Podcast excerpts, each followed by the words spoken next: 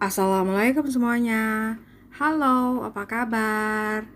Kembali bersama saya yang biasa kasih materi secara highlight tentang hukum internasional. Kali ini saya mau membahas mengenai hukum humanitar internasional. Karena semester ini saya mengajar materi hukum humanitar internasional dan HAM. Hukum internasional berlaku hanya pada situasi-situasi saat terjadi konflik bersenjata. Artinya, bahwa dalam situasi konflik bersenjata, harkat martabat manusia harus tetap dihormati. Atau dalam perang pun ada hukum yang harus berlaku yang membatasi perilaku para pihak yang terlibat dalam konflik. Konvensi Jenewa 12 Agustus 1949 tentang perlindungan korban perang mengenal dua bentuk konflik bersenjata, yaitu konflik bersenjata internasional atau International Armed Conflict yang diatur dalam pasal 2 Konvensi Jenewa pertama, 2, 3, dan 4. Yang kedua, non-internasional atau konflik not, not of an international character diatur dalam pasal 3 Konvensi Jenewa 1, 2, 3, dan 4.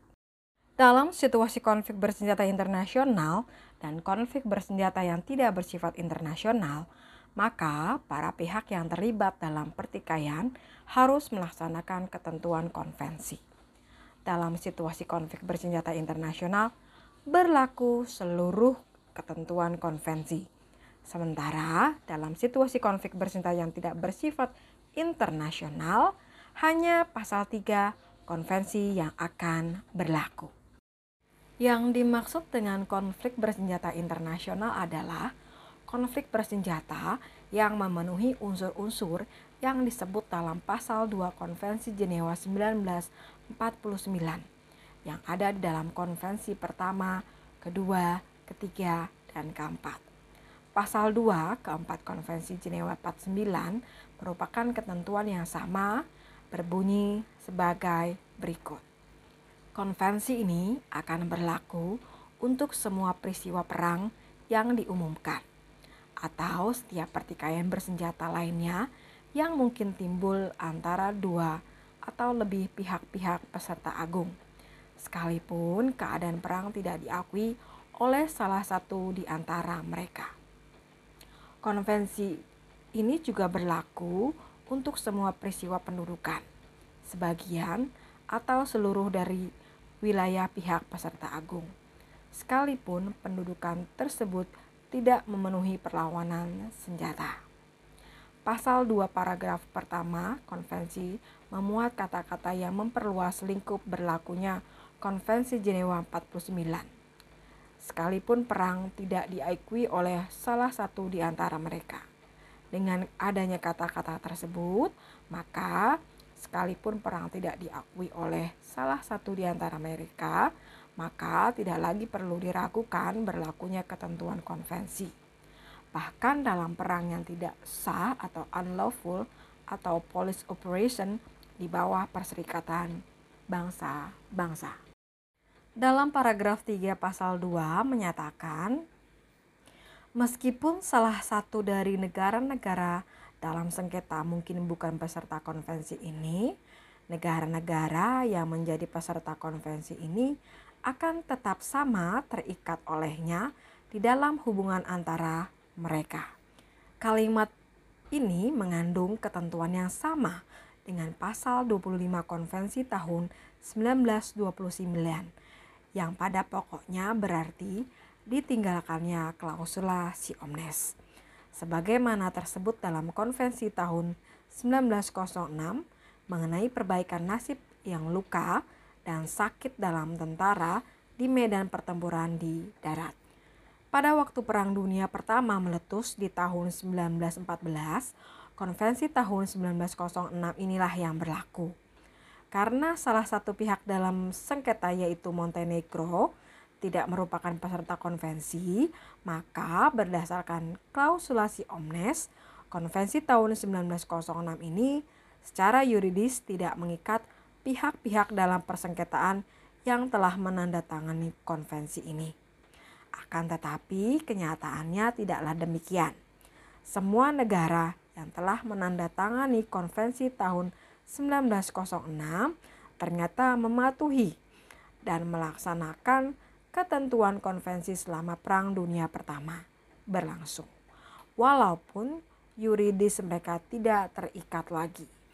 Pengalaman dari Perang Dunia Pertama ini dan bahaya terulangnya situasi yang sama dengan akibat-akibat yang lain apabila klausulasi omnes dipertahankan menjadi sebab mengapa dalam pembaharuan Konvensi 1 di tahun 1929 klausula ini ditinggalkan.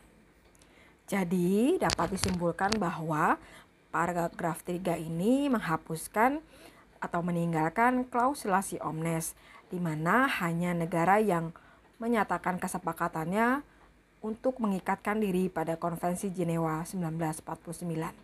Sehingga pasal 2 paragraf 3 ini atau Konvensi Jenewa 1949 itu berlaku bagi negara yang sudah meratifikasi maupun yang bukan atau yang belum meratifikasi sehingga bisa dikatakan sebagai erga omnes. Kalau boleh saya simpulkan, pasal 2 berlakunya konvensi, paragraf pertama itu Konvensi ini berlaku dalam perang yang diumumkan itu faktor yang pertama. Yang kedua, pertikaian bersenjata sekalipun keadaan perang tidak diakui. Kemudian yang ketiga, hal pendudukan sebagian atau seluruhnya, sekalipun pendudukan tersebut tidak menemui perlawanan. Dan ada penambahan lagi dalam protokol tambahan pertama, artikel pertama paragraf 4 yang menyatakan fighting against colonial domination and alien occupation and against racist regime. Nah, ini kriteria-kriteria ini dikatakan atau disebut sebagai konflik bersenjata internasional. Untuk memahami pengertian tentang konflik bersenjata non-internasional, perlu diteliti isi pasal 3 Konvensi Jenewa 1949. Meskipun sebenarnya pasal ini tidak merumuskan definisi dari konflik bersenjata non-internasional itu sendiri. Namun pasal ini memuat ketentuan pertikaian bersenjata yang tidak bersifat internasional. Kemudian dalam pasal 3 terdapat kata-kata yang menegaskan juga situasi konflik bersenjata yang tidak bersifat internasional dan konflik tersebut ditegaskan lagi berlangsung dalam wilayah salah satu pihak peserta agung dengan adanya kata-kata tersebut, hendak dijelaskan bahwa yang dimaksud konflik bersenjata tidak bersifat internasional adalah konflik bersenjata yang terjadi dalam wilayah suatu negara peserta konvensi. Ada tindakan-tindakan kekerasan yang dilakukan oleh perorangan atau kelompok-kelompok yang dianggap sebagai tindakan terorisme, perampokan, dan kerusuhan yang sifatnya murni sporadis tidak termasuk dalam lingkup konflik bersenjata menurut Konvensi Jenewa 1949 dan tetap tunduk pada hukum nasional atau perjanjian-perjanjian internasional khusus mengenai pemberantasan atau penghukuman teroris. Pasal 3 mengandung pokok-pokok dari perlakuan korban perang menurut asas peri kemanusiaan yang mencerminkan ketentuan-ketentuan Konvensi Jenewa tahun 1949 dalam keseluruhan. Karena pasal 3 ini terdapat atau mencakup keempat konvensi tahun 49 yang mengandung semua pokok utama dari perlakuan korban perang yang sudah tadi disebutkan, maka pasal ini dinamakan juga konvensi kecil atau convention in miniatur.